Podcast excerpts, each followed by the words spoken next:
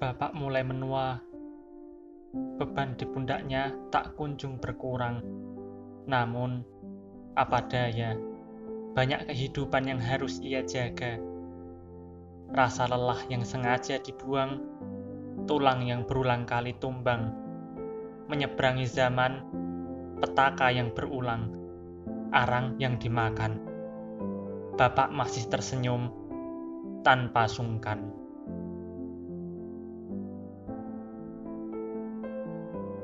Di tahun lalu, tiga kali aku mengantarkan bapak ke rumah sakit. Yang dikeluhkan selalu sama, rasa nyeri di dada. Dokter selalu menyarankan hal yang sama pula, yaitu mengurangi aktivitas. Bapak selalu menjawab dengan sedikit tertawa. 14 bulan lagi aku pensiun, katanya. Aku tidak tahu pasti arti dari jawaban itu. Namun, bagiku, kalimat itu mengisyaratkan rasa enggan untuk memangkas aktivitas. Bapak seperti ingin berkata, "Tidak mungkin aku mengurangi aktivitas di saat kewajibanku sebagai kepala keluarga belum tuntas."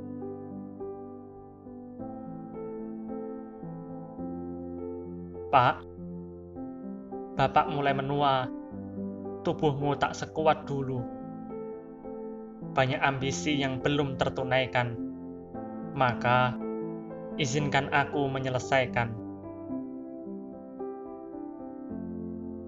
Aku sadar, aku masih jauh dari pantas untuk mengambil alih semua tanggung jawab itu. Kakiku juga belum sepenuhnya kuat menopang tubuhku sendiri Aku kadang juga kehilangan arah yang berakhir pada sebuah jalan buntu. Bahkan, perangaiku masih dipenuhi kemaksiatan yang menjadi adiksi.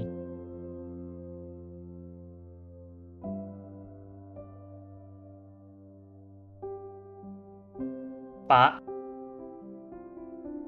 dengan segala keterbatasan yang aku miliki itu, percayalah pada niat baikku. Bukan maksudku mengambil alih semua tanggung jawab yang ada di bahumu. Bukan pula bermaksud mengambil alih peran bapak yang ada di keluarga. Sebagai seorang anak, sudah sepantasnya aku meringankan beban yang ada di pundak bapak.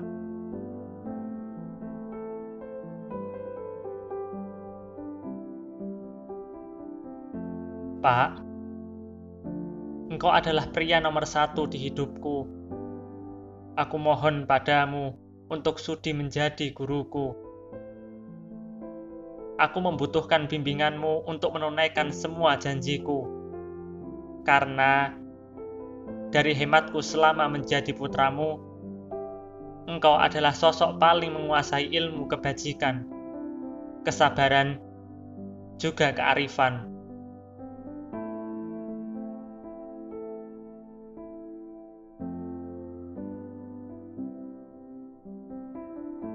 Pak, kau memang tidak selembut ibu saat bertutur.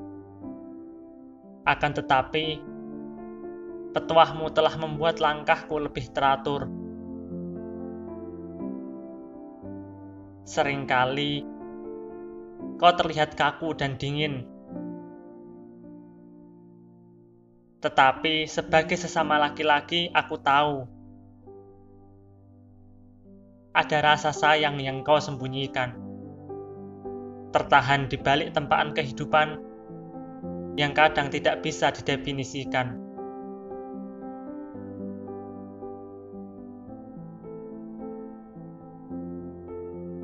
Pak, izinkan aku menjadi anakmu. Anakmu yang berbakti, mengabdi setulus hati. Bapak tak usah khawatir dengan masa senja. Aku akan merawat dan menjagamu dengan ikhlas tanpa pamrih di hati.